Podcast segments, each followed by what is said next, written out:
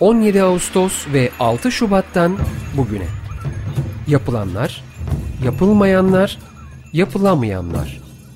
Kamu kesimi, sivil kesim, bilim insanları depremi tartışıyor.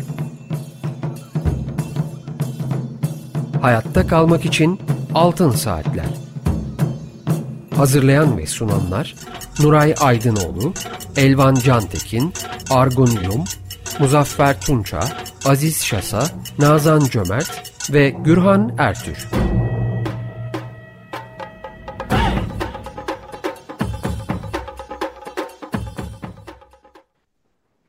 Açık Radyo'dayız. Altın Saatler programında bugünkü programı Mehmet Nuray Aydınoğlu, Argun Yum, Elvan Cantekin, Muzaffer Tunca ve ben Gürhan Ertür birlikte sunuyoruz. Teknik masada ise Berke Akmış'e sesimizi sizlere ulaştıracak.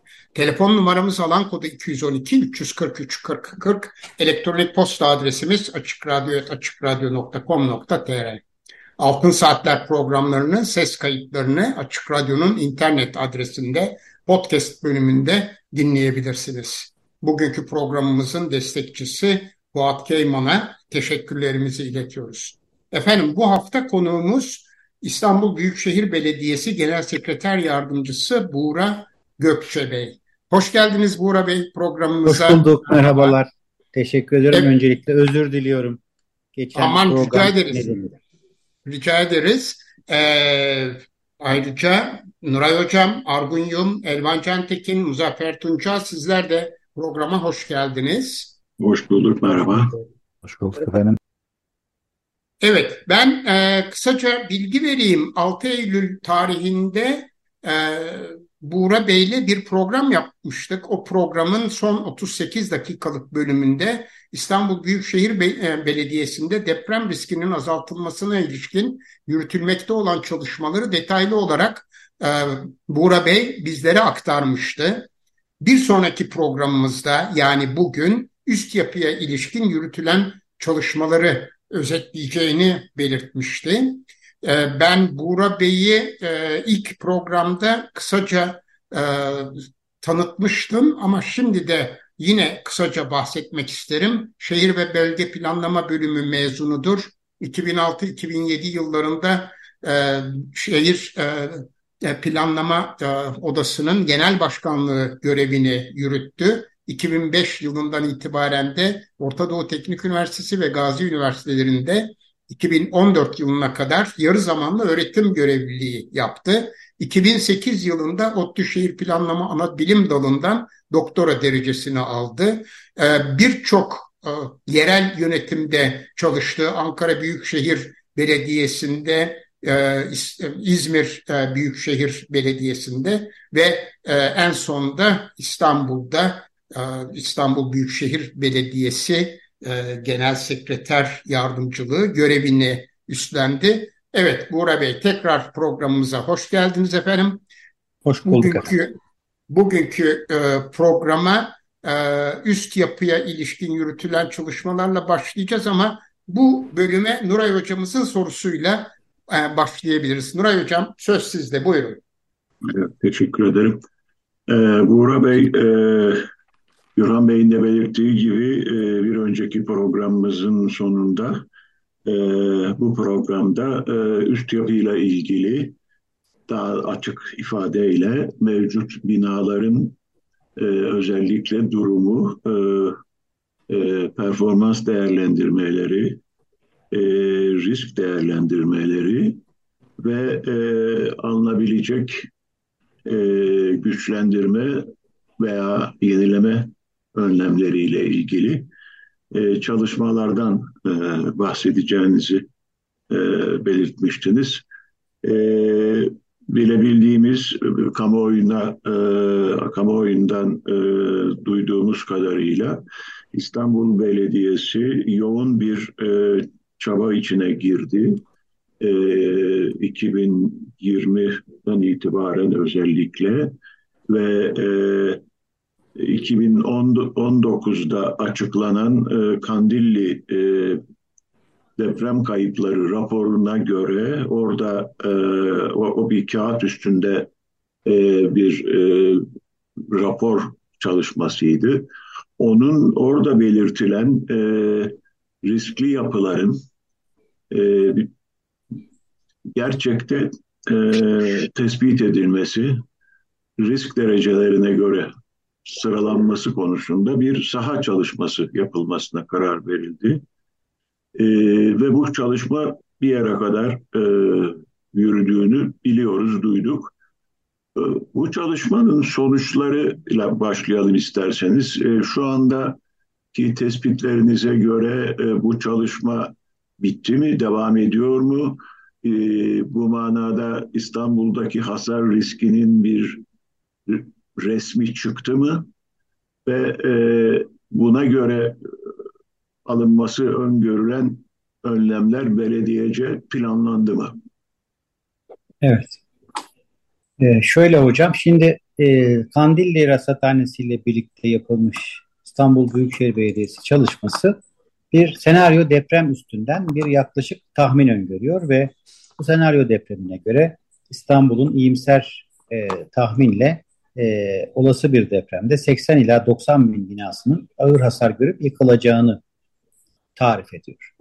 E, ve bir yandan da İstanbul Büyükşehir Belediyesi e, şu an cezaevinde olan kıymetli meslektaşım Tayfun Bey'in deprem dairesi başkanı olduğu dönem itibariyle de Ekrem Bey'in, Ekrem İmamoğlu başkanımızın göreve geldiğinden sonra e, bu zamana kadar ihmal edilmiş riskli yapı stoğuna ilişkin daha detaylı tespitler yapabilmek anlamında bir yoğun çaba sarf ediyor ki bu senaryo depreminde ortaya çıkan rakamlar e, gerçek bina incelemelerinden sonra anca e, güncellenebilir ve ayakları yere basan hale getirilebilir e, noktasında ve burada öncelikli grup olarak 99 e, yılı öncesi yapılan binalar birinci odak olarak hedefe koyuluyor ve bu binalarda bir hızlı tarama yöntemi geliştiriliyor. Bu yöntem İstanbul Teknik Üniversitesi'nin e, İnşaat Fakültesi'nin kıymetli hocalarıyla ortaya koyulmuş PERA adı verilen bir yöntem. Yöntem 99 öncesindeki binalara uyarlanıyor. 10 katı aşan binalarda yapılmıyor e, ve e, birkaç aşamadan oluşuyor. Bu tespit ile binalarda karot numunesi almaksızın 6306 sayılı kanunun tarif ettiği kısıtlar olmadan binalara ilişkin e, %90 e, doğrulukta bir analiz yapılıyor. E, ve e, binalara A'dan E'ye kadar e, bir not veriliyor. A grubu binalar en kuvvetli, E grubu binalar en zayıf olmak üzere. Neden böyle bir ihtiyaç hasıl oluyor? E, şimdi bizim 6306 sayılı kanun elimizde kentsel dönüşüme ilişkin binaların depreme karşı mukavemeti ve dönüşümüne ilişkin tek bir mevzuat var. O da bu 10 yıl önce çıkan 6306 sayılı e, riskli yapıların e, dönüştürülmesine ilişkin kanun.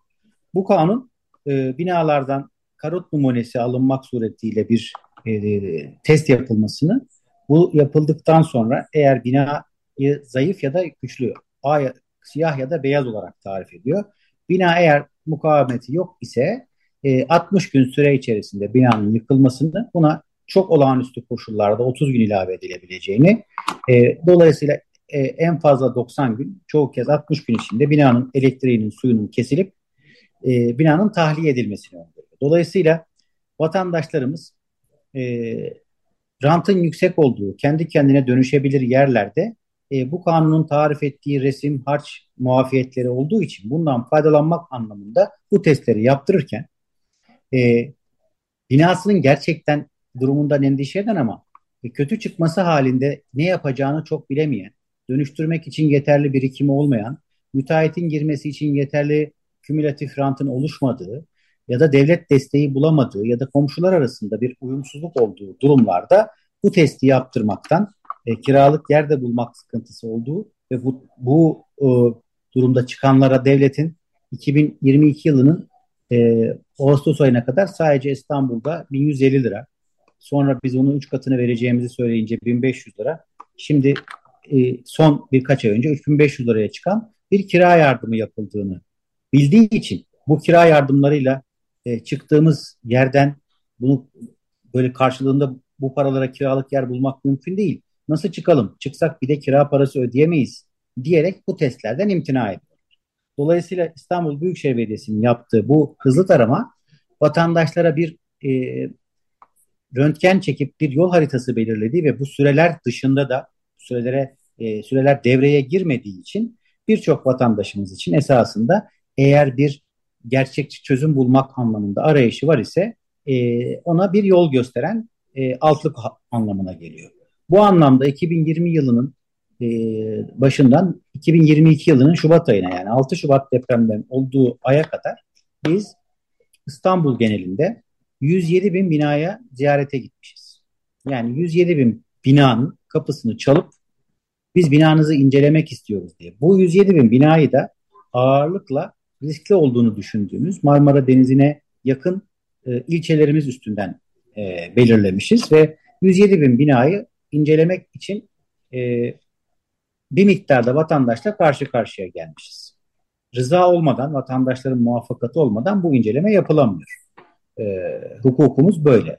E, bu 127 bin, 107 bin binanın 29 bin 700 tanesi bizim binasını incelememize müsaade etmiş. Yani %70'inden daha fazlası binanın incelenmesine İstanbul'da 6 Şubat depremlerine kadar müsaade etmemiş.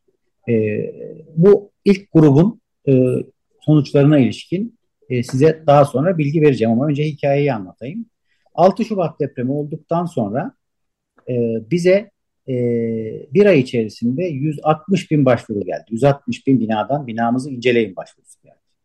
Yani şöyle düşünün iki yıl içerisinde siz gidip yalvar yakar bizi evinize binanıza sokun inceleyelim diyorsunuz 107 bin binaya. Bunun 29 bini ancak sizi kabul ediyor. 30 bini değil.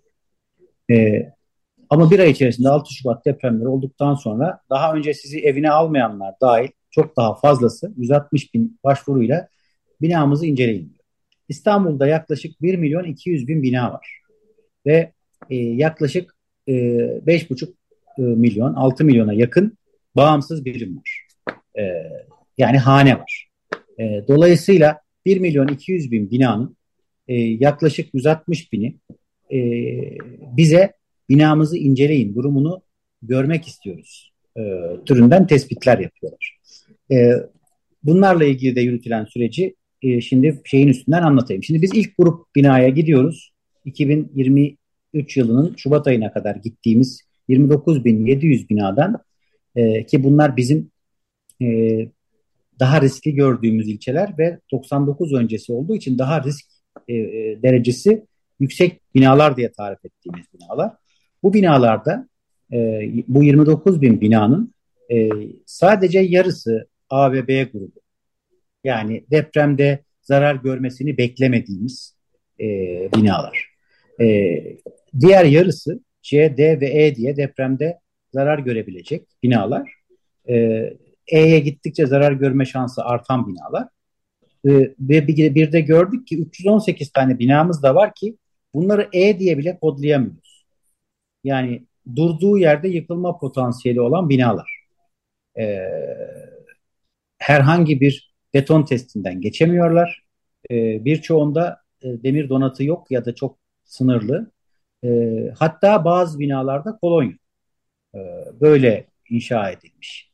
E, şimdi bu 318 tane binayı boşaltmak için, tahliye etmek için ilçe belediyelerine e, gönderdiğinizde bu kanun 6306 sayılı kanun ilçe belediyelerinin yetkili kılan, yetkili kılan bir kanun.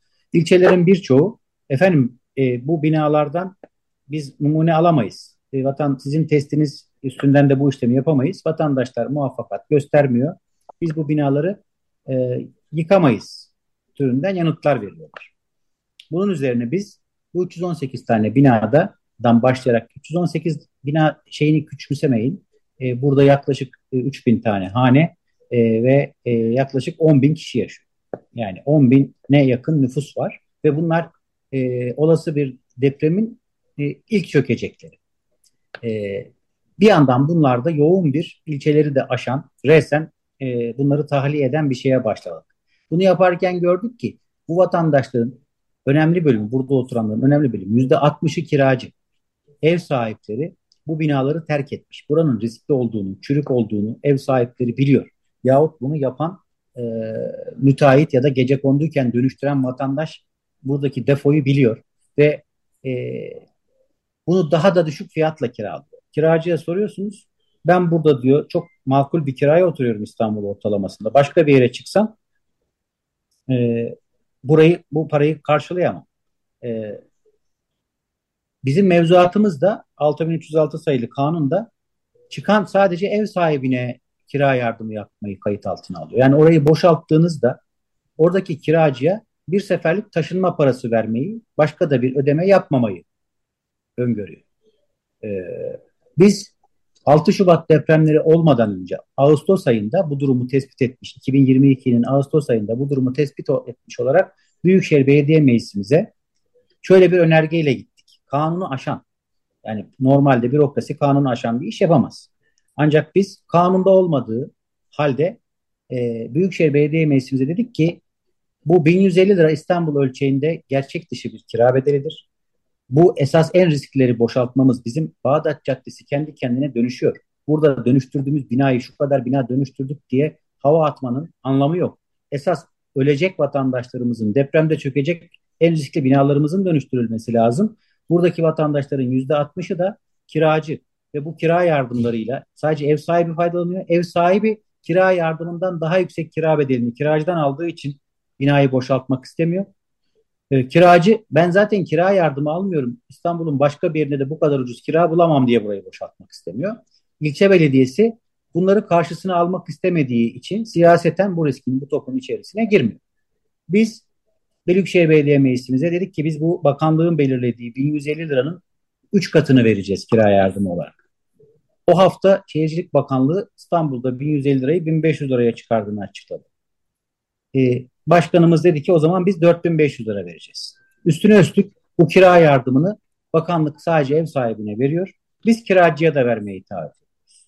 Meclisimizde 3 ay yoğun tartışma oldu. Büyükşehir Belediye Meclisi bu kararı alamadı. Siyasi parti grupları arasında çok derin e, tartışmalar oldu. E, meclis çoğunluğu da Adalet Kalkınma Partisi'nde olduğu için bu kararı çıkartmakta çok zorlandı. E, sanırım e, yılın sonuna doğru Düzce'de bir deprem oldu. Hafızanızda vardır muhtemelen. 6 Şubat'tan daha önce 2022 yılının sonlarında bir Düzce yakınlarında deprem oldu ve o deprem İstanbul'dan hissedildi. Ertesi gün Büyükşehir Belediye Meclisi'nin gündeminde bu konu var idi ve aylarca bu konuyu tartışıp karara bağlayan Büyükşehir bağlayamayan Büyükşehir Belediye Meclisi ertesi gün kira yardımının 4500 lira olmasına, kiracıya da kira yardımı verilmesine kanunda olmamasına rağmen karar verdi.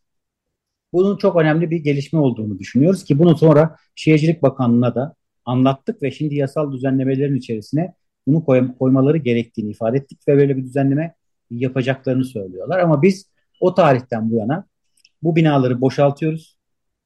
Kiracıya e, böyle bir kira yardımı veriyoruz. E, ev sahibine de veriyoruz.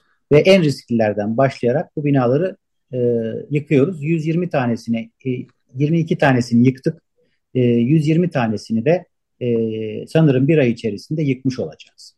E, bu rakamlar e, ilk grup. İkinci grup olarak depremden sonra bize gelen binalarda bir analiz yaptık. 160 bin binanın içerisindeki mükerrer başvuruları 10 e, katın üstündeki binaları elediğimizde elimizde 120 bin bina başvurusu var. E, ve bu 120 bin binanın e, içerisinde yaptığımız ilk grup, ilk 6-7 bin binayı inceledik. Bu gruplarda yaptığımız analizde tabi burada bizim daha önce yaptığımız gibi sadece 99 öncesi binalara gitmiyoruz. Artık 99 sonrası binalara da gidiyoruz ve artık bizim daha önce belirlediğimiz Silivri'den Tuzla'ya kadar öncelikle sahil hattındaki denize yakın hattaki binalara değil e, Sarıyer'inden Kadıköy'üne e, Üsküdar'ından e, Kağıthanesi'ne kadar tüm ilçelerimizdeki başvurulara gidiyoruz. Bu kez tabii e, örneklem alanı biraz daha İstanbul için doğru bir alana yansıdığından şu anki sonuçlarımız ilk o 29 bin binanın yaklaşık yarısı ABB grubuyken e, bu ikinci grup binalarımızda bu oran artmış %60'lara 65'lere gelmiş vaziyette. Dolayısıyla e, İstanbul genelindeki e, bina envanterine ilişkin e, veri tabanımız e, alanın tamamına yayıldıkça daha sağlıklı sonuçlar, binaların yaşı e, gençleştikçe daha sağlıklı sonuçlar vermeye başladı. E, ve bu ikinci grupta da acil tespit ettiğimiz 1256 tane D ve E grubu binamız var. E, en acil yıkılmasını öngördüğümüz Şimdi bu ikinci grup bina içinde yine aynı şekilde yıkım işlemlerine başlamak ve kira yardımını bu gruplar içinde uygulamak için meclisimize yazdık. ve önümüzdeki ay itibariyle bu 1250 e, bina ki bunlarda da yaklaşık 50 bin vatandaşımız yaşıyor. Bağımsız birimleriyle e, 10 bini aşkın bağımsız birimi e, ve 50 bin nüfus yaşıyor. Dolayısıyla bu 50 bin canı da kurtarmayı hedefliyoruz. Bunların da e, tespit ettiklerimiz yani özet olarak şöyle denilebilir. E, biz en risklisinden başlayarak, en zor sorudan başlayarak dönüştürmeye başlıyoruz. E, bu zamana kadar İstanbul'da ve Türkiye genelinde en risklisinden başlayarak değil, rantın en fazla biriktiği, en kolay dönüşebilirinden başlayarak dönüşüm işleri tek yapı ölçeğinde yapılmış. E, bölgesel ölçekte dönüşüm işleri ağırlıkla yine rantın en fazla biriktiği gece kondu bölgelerinde onları dönüştürmek üzere e, yapılmış. E, ama e, mülkiyet sorunlarının girifleştiği, e, rantın yeterince birikmediği yerlerde e, riskler sürüyor. E, daha somut söyleyeyim. Bakınız İstanbul'un Metropoliten Plan Bürosu var İMP.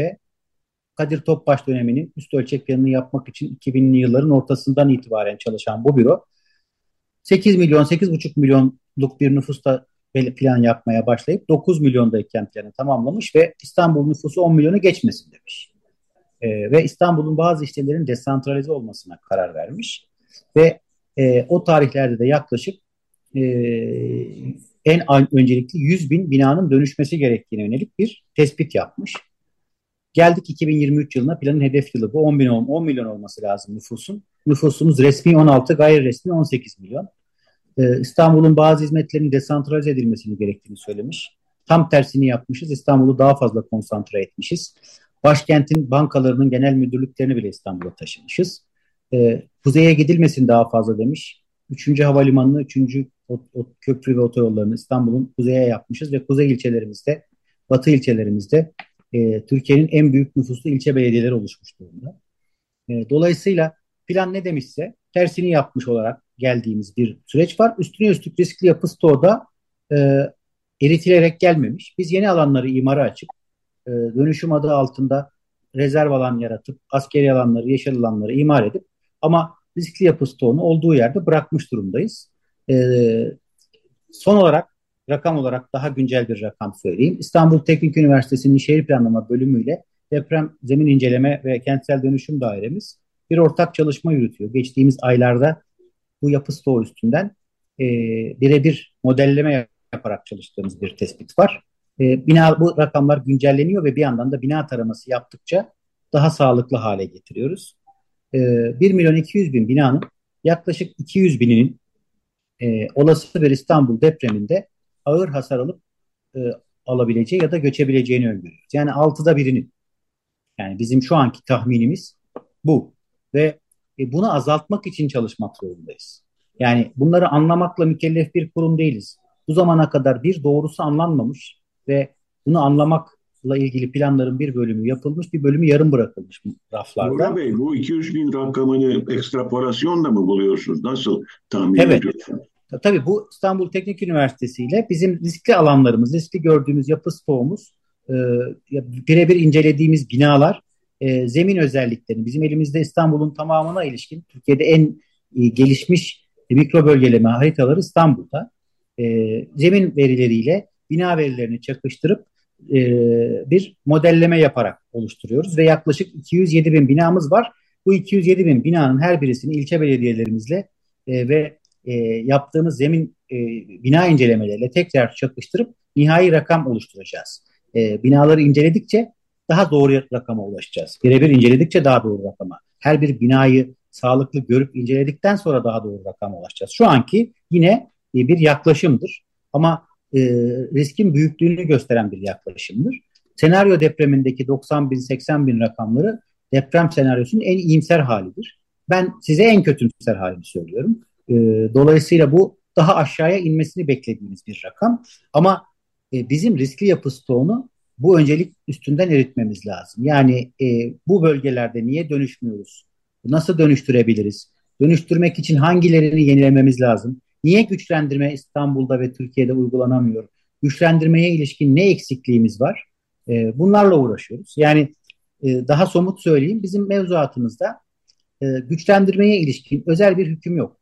Yani biz siz bir bina güçlendirmeye kalktığınızda ki Muzaffer Bey çok çok iyi bilir İzmir'de Büyükşehir Belediye binası içinde güçlendirmeye yönelik bir e, geçmişi en iyi takip edenlerdendir.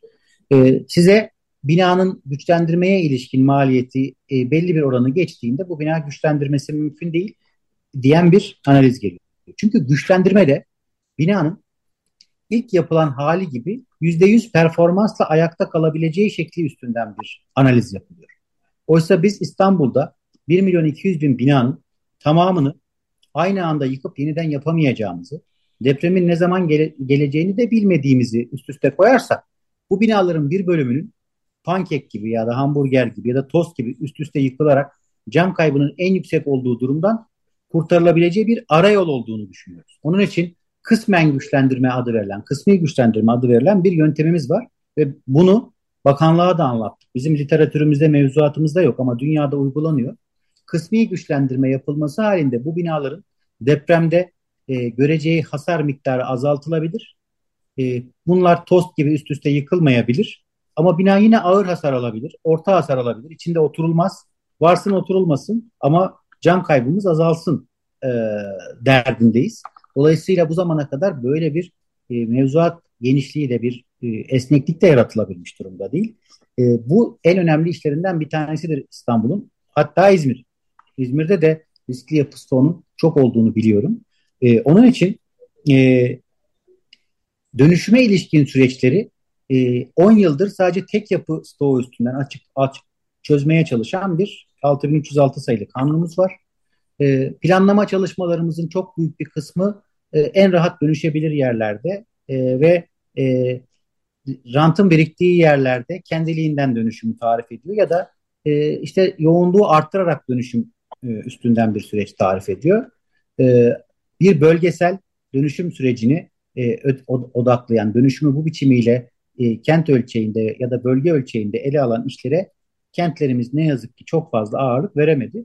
Bu özellikle İstanbul'da çok da ıskalanmış e, bir süreç ve e, en rahat dönüşebilir yerlerden, en kolay sorudan başlayarak yapılmış bir konu e, ve kamuoyuna da şu kadar metrekare bina yaptık, e, şu kadar metrekare dönüştürdük, şu kadar bağımsız birim yaptık diye yapılan her yeni konutun e, depreme dayanıklılık anlamında bir e, dönüşüm çalışması olduğunu ve esas çözümün de bu olduğunu söyleyen bir yanılsamayla geliyoruz. Bu bir doğru çözüm değil. Eğer beton metrekaresi üstünden yapılan yeni konut üstünden deprem riski azalsaydı İstanbul bahsettim son 20 yılda 8 milyondan 16 milyona çıkmış. E, deprem risklerinde azalmış büyük ölçüde bertaraf edilmiş olması gerekirdi. E, öyle filan da olmadı. Aksine e, bu kadar bina yapılmasına rağmen deprem riski İstanbul'da olduğu yerde duruyor. Aksine yaş binalarımız yaşlandıkça e, risklerimiz de büyüyor.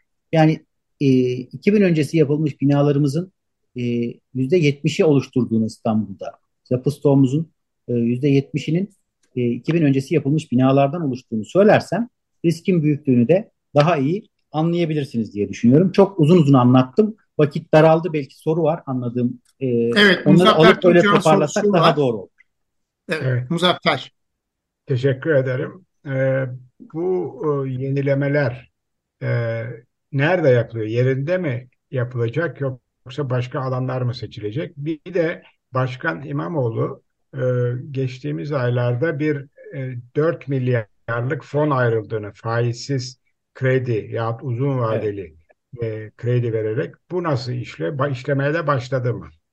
Şöyle bizim projelerimizin tamamı e, Muzaffer abi e, yerinde dönüşüm e, esasına göre. Zaten eleştirdiğimiz şey işte yerinde dönüştürmüyoruz dediklerinizin birçoğunu zaten o e, riskli vatandaşlara değil birilerine üçüncü, beşinci konut olarak satıp e, ürettiğiniz yerlerde yapıyorsunuz. Biz bu bahsettiklerimizin tamamını yerinde dönüştürmeye, bulunduğu yerde binaları dönüştürmeye ya da çevresiyle beraber dönüştürmeye yönelik bir e, e, proje bütünlüğünde ele alıyoruz.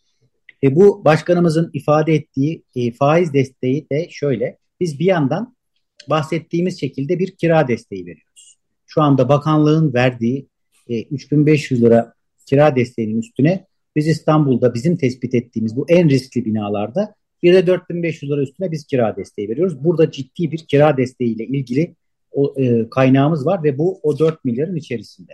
Buğra Bey bu, bu, bu 4500 liralık yardım ne kadar süreyle devam edecek? 12 ay. 12 ay efendim. Ondan sonra? E, bu kanun da böyle. Zaten daha yüksek evet. bir e, şey yok. Ancak sizin kendi projeniz ise ve bina bitmemiş ise bir mücbir sebep oluşmuş ise yine meclis kararıyla bu uzatılabilir. E, ama yasal süresi e, 12 ile 18 ay arasındadır. Daha bunu aşan bir süreç uygulama şansınız yok. E, o süre içinde inşaatın da yani binanın boşaltıldıktan sonra inşaatın da bitmesi öngörülüyor zaten. Bir mücbir sebep oluşmaz ise. Faiz desteği konusu şöyle.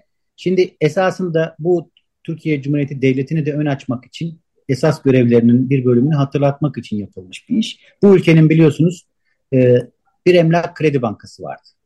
İlk adı Emlak Eytan Bankası'dır. Kimsesizlerin bankasıdır. Yani evi olmayana, kimsesi olmayana ev yapmak için kredi vermek üzere kurulmuş bir bankadan bahsediyoruz. Sonra bu banka Emlak Gayrimenkul Yatırım Ortaklığı adıyla TOKİ'nin içerisine gömüldü. Ve bankanın esas amacı, kuruluş sebebi unutuldu. Tıpkı TOKİ'nin kuruluş amacının unutulup gayrimenkul geliştirme projeleri yaptığı gibi Emlak Gayrimenkul Yatırım Ortaklığı da e, rantı yüksek yerlerdeki e, dönüşümlüğünü bakanlığın iştiraki olarak takip ediyor. E, ama vatandaşlar evini dönüştürmek için, kendi evlerini dönüştürmek için e, bankalardan u, uzun vadeli, düşük faizli kredi bulamıyorlar. Ve bir bölüm vatandaş için özellikle emekli vatandaşlarımız, ücretli vatandaşlarımız için e, bu enflasyonist koşulda bir tane sahip olduğu ev var. Bu evi yenilemek için önünde şöyle seçenekler oluşuyor. Ya işte evin üç odalı ama artık iki odalıya düşecek şekilde bir fedakarlık yaparsan müteahhit buraya girecek. E, yahut aynı metrekareyi ya da yakın metrekareyi istiyorsan daire başına 500 bin lira, 1 milyon lira, 1,5 milyon lira para vereceksin e, deniliyor. Tabii vatandaşımız ben oturduğum evi bir kez daha mı alacağım, böyle de bir param yok diyerek bir süre sonunda bu dönüşüm işinden vazgeçiyor. Devletin görevi bu vatandaşlara, bunu dönüştürmek isteyen vatandaşlara e, uzun vadeli, düşük faizli kredi finansmanı sağlamaktır. Emlak Kredi Bankası olsaydı ve e, esas faaliyetinde yürütseydi yapması gereken de buydu. Biz e, bu faiz desteğini İstanbul Büyükşehir Belediyesi olarak bankalarla yaptığımız anlaşmayla biz üstlenebilir miyiz? Bu faizi e, en büyük sıkıntı da şu vatandaş bankadan kredi aldığında kredinin çok daha üst bir oranında faiz ödüyor banka bu enflasyonist ortamda. Bu faiz yükünü İstanbul Büyükşehir Belediyesi olarak biz üstlenebilir miyiz? E, bunun için belli bir limitte e, 500 bin liraya 1 milyon liraya kadarki faiz limitlerinde binasını bu şekilde dönüştürecek vatandaşlara biz destek verebilir miyiz diye. Şu an bu havuzun içerisinden birkaç binada bu iş başlamak üzere. Dolayısıyla biz de İstanbul'da e, yani e, en risklisini dönüştürebilmek e, ve riski azaltıp en fazla canı kurtarabilmek için e, esasında iğneyle kuyu kazıyoruz. Çünkü bu en zor iş. Oysa size şunları söylemek ve şöyle anlatmak da çok mümkün. İşte şurada 5000 konut yaptık, burada 7000 konut yaptık. E, burada da şu kadar kişi yaşıyor. Peki yaşıyor, güzel. Bizim de böyle yapılmış Kiptaş üstünden, deprem dairesinden yapılmış konutlarımız var ama e, bu bahsettiğimiz en riskli binalardakileri oraya götüremediğiniz, onları dönüştüremediğiniz sürece riski azaltmış olmuyorsunuz. Sadece yapı stoğunuzu biraz gençleştirmiş oluyorsunuz. Belki de orada ikinci, üçüncü, beşinci konut alan vatandaşların e, gayrimenkul yatırımı yapmasına neden oluyorsunuz. Onun için yerinde yapmadığınız dönüşüm, Muzaffer Bey'in sorusu çok yerindedir. Yerinde yapmadığınız dönüşüm riski azaltmıyor. E, yerindeki vatandaşların da bir benim e, yapım süresinde kiraya ihtiyacım var, desteğe ihtiyacım var. İki, e, bu e, bankadan kullanacağımız kredi için ya da devletin vereceği e, bana bir finansman desteğine ihtiyacım var. Üç, e, bir de ülkemizin imar affından sonra ortaya çıkmış daha büyük gerçeği ev sahipleri için. E, ben bu binayı yıkarsam e, eski halini yapamayacağım. E, işte kaçak iki katımız vardı. imara barışından yararlandık. Yapmak gerektiğinde o iki katı nasıl yapacağız?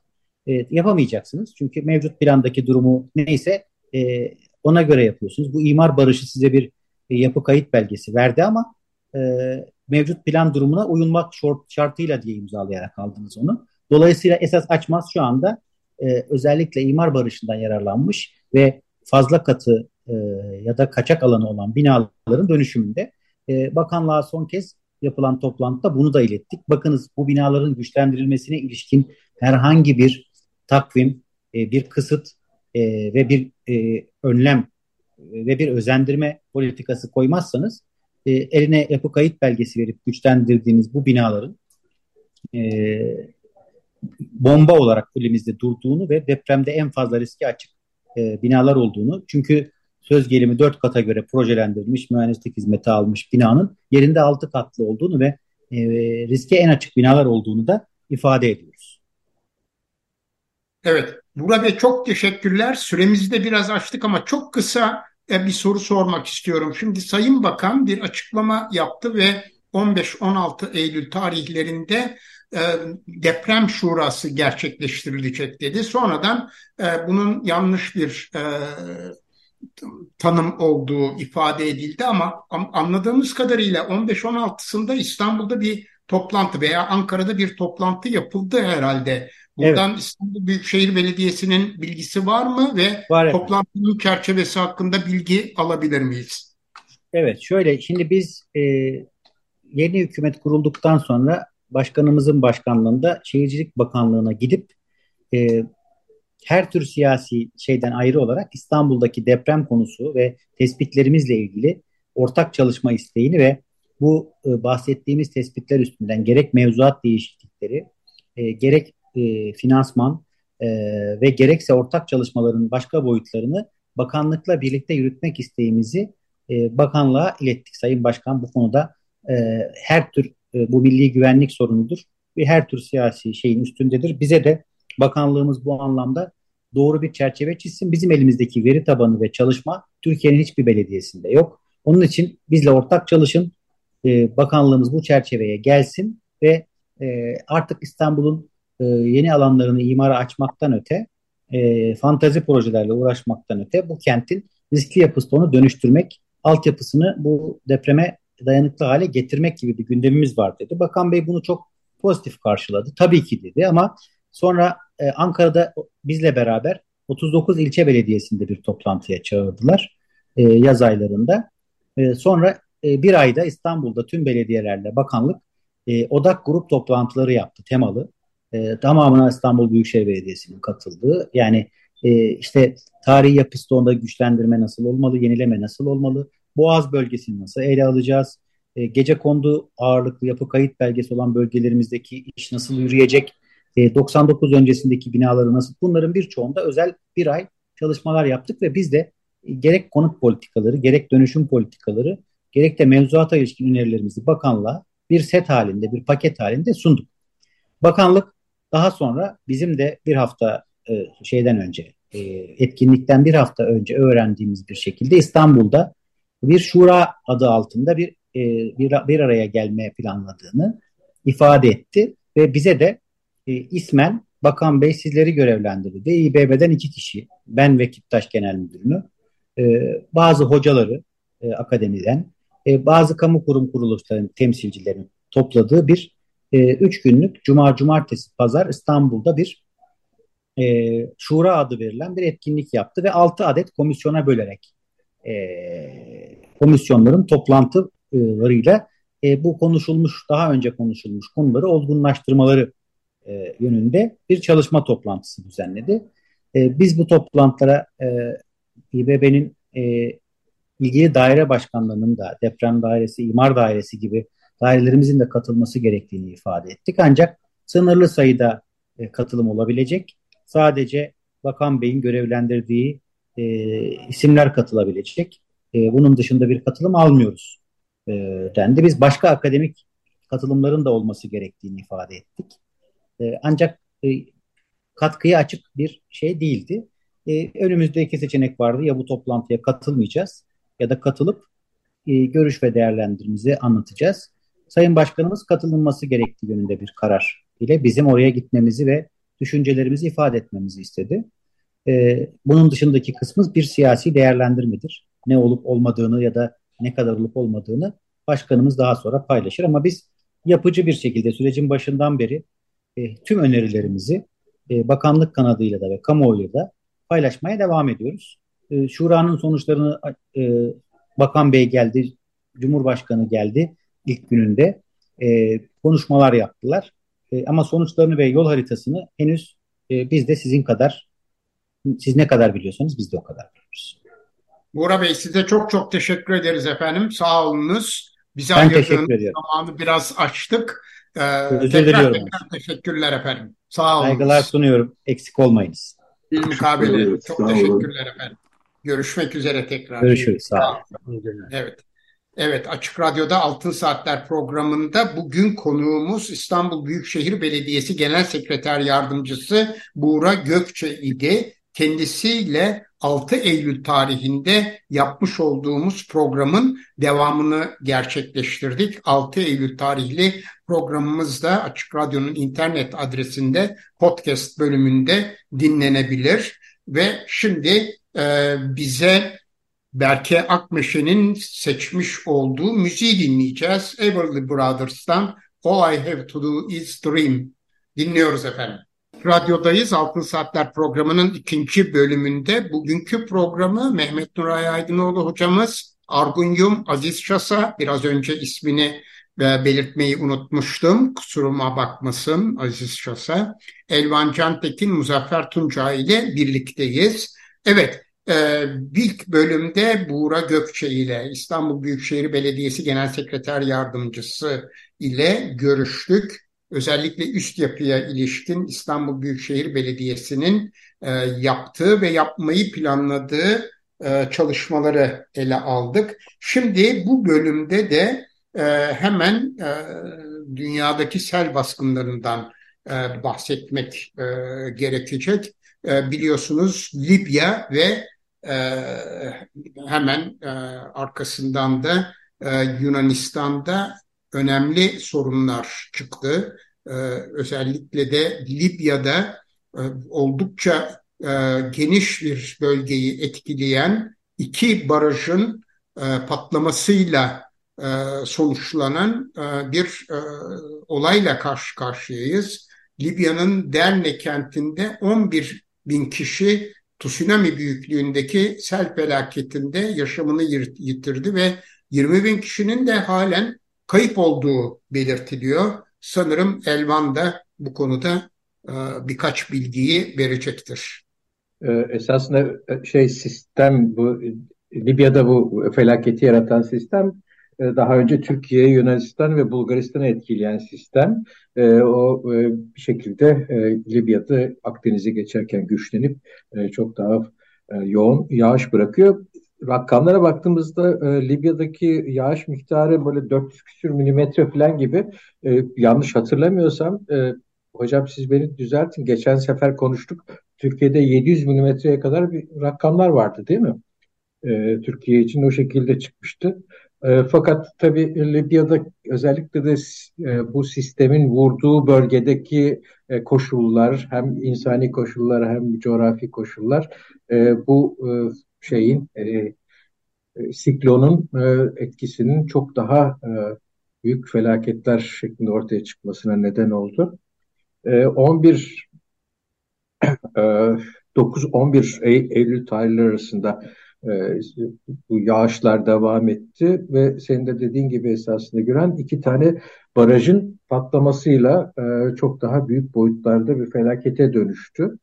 E, esasında bu e, Daniel adındaki siklon son zamanlarda Akdeniz'de biraz daha fazla görmeye başladığımız bir e, meteorolojik e, olay. Bunun e, artmasının nedenlerinden bir tanesi olarak e, bilim adamları tabii ki küresel ısınma gösteriyor.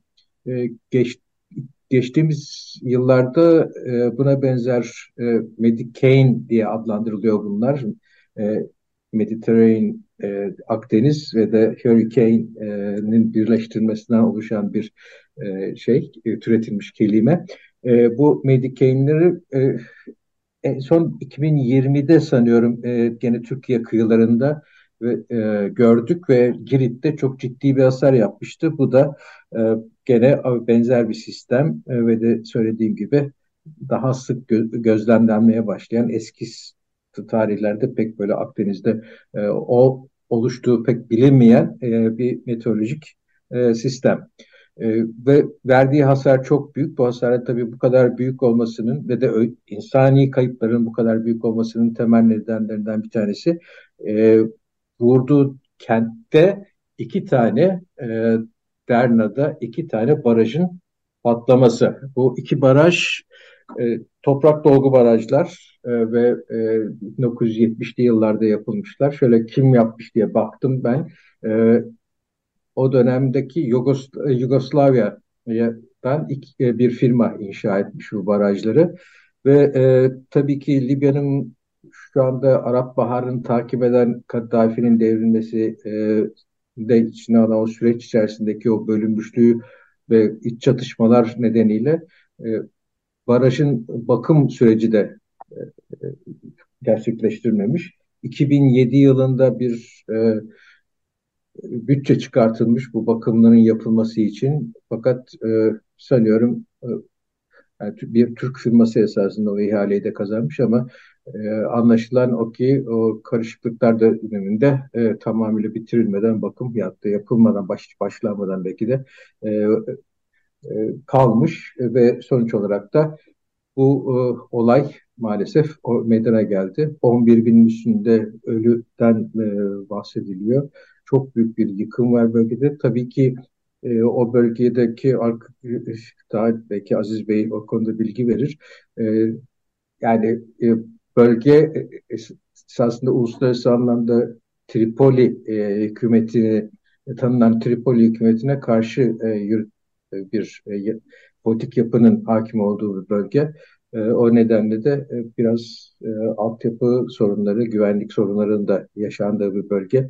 Çok da sağlıklı bir bilgi e, belki de alınamıyor bölgeden. O yüzden şu anda e, hani ölü sayısı nedir, e, kayıp sayısı nedir, rakamların netleştiğini söylemek çok zor. Hala işte şeyde de basında da görüyoruz. E, e, denizden e, maalesef e, cesetler toplanıyor.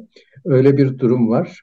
E, bu tabii ilginç e, başka bir olay. Bu barajların yıkılmasıyla ilgili olarak belki de e, bu değişen iklim koşulları ve şiddetlenen yağış rejimleri e, bir uyarı olması gerekiyor. Bu programlarda çok sık biz e, bahsettik o konuda. Hani e, küresel ısınma diyoruz. Küresel ısınma ile ilgili olarak e, küresel ısınmanın e, yavaşlatılması, durdurulması ve de hani e, işte de, e, belli bir noktalarda da e, engellenebilmesi için yapılan yapılması gereken bir takım şeyler var. Bunlardan bir tanesi tabii ki e, sera gazlarının salınımının e, e, gene aynı şekilde e, önce bu artışın durdurulması belli bir noktada e, en azından bir süre tutulabilmesi ve ondan sonra da e, sera gazları salınımının e, sıfır emisyon noktasına e, gelinmesi gibi çalışmalar var. Ama onun ötesinde de şu anda atmosferde zaten yeteri kadar e, bu sera gazı e, konsantrasyonu mevcut ve de küresel ısınmayı daha uzun yıllar devam ettirebilecek bir e, konsantrasyon bu. Bu nedenle bunun bir e, hani ne kadar büyük bir çaba gösterilse de e, bir günde e, önüne geçmesi imkan yok. Bu nedenle bir şekilde uyum sağlamak zorundayız. Ve e, bunlardan bir tanesi de bu baraj örneğinde olduğu gibi karşımıza çıkıyor.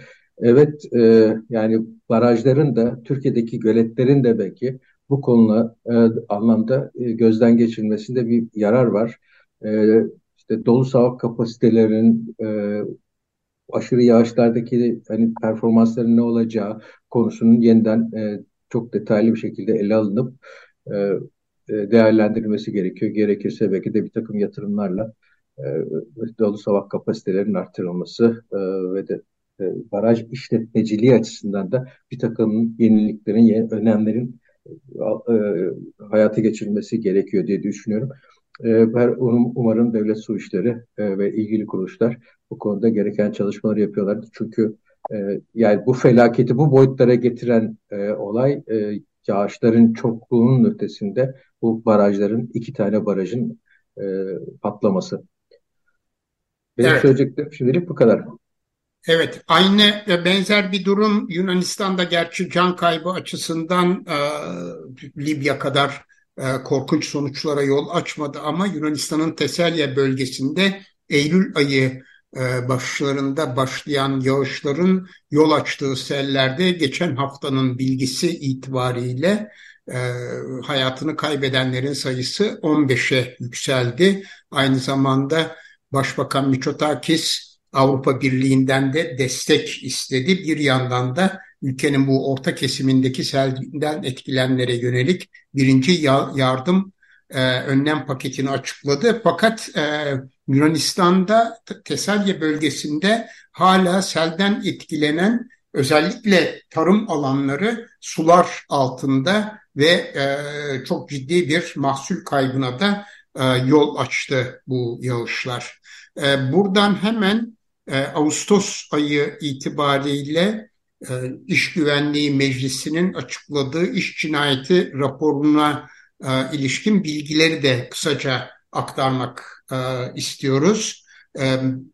Ağustos 2023'te 201 işçi yurttaşımız iş cinayetlerinde yaşamını yitirdi. Gene inşaat ve yol yapımında çalışan e, işçiler e, ağırlık e, taşıyor. 53 işçi inşaat ve yol e, işlerinde hayatlarını kaybettiler. Yüzde 26. Tarım ve orman ona yakın yüzde 52 işçi, yüzde 26.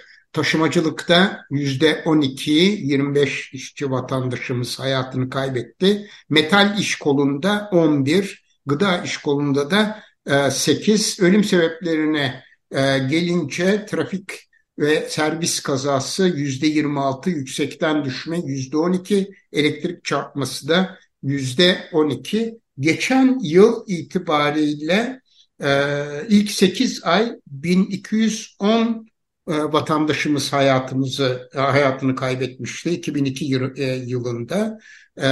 Bu yıl ise ilk 8 ayda 1255 yurttaşımız hayatını kaybetti. Buradan çok kısaca e, son bir rapor yayınlandı. Zamanımız kalmayacak o nedenle bir başka programda e, ele alacağız ama bugün artı gerçekte e, yayınlanan, özür dilerim dün artı gerçekte yayınlanan bir haberdir. Bu hükümetin inkar ettiği asbest tespit edildi. Hatay yeni bir afete dönüşebilecek ciddi bir halk sağlığı kriziyle karşı karşıya.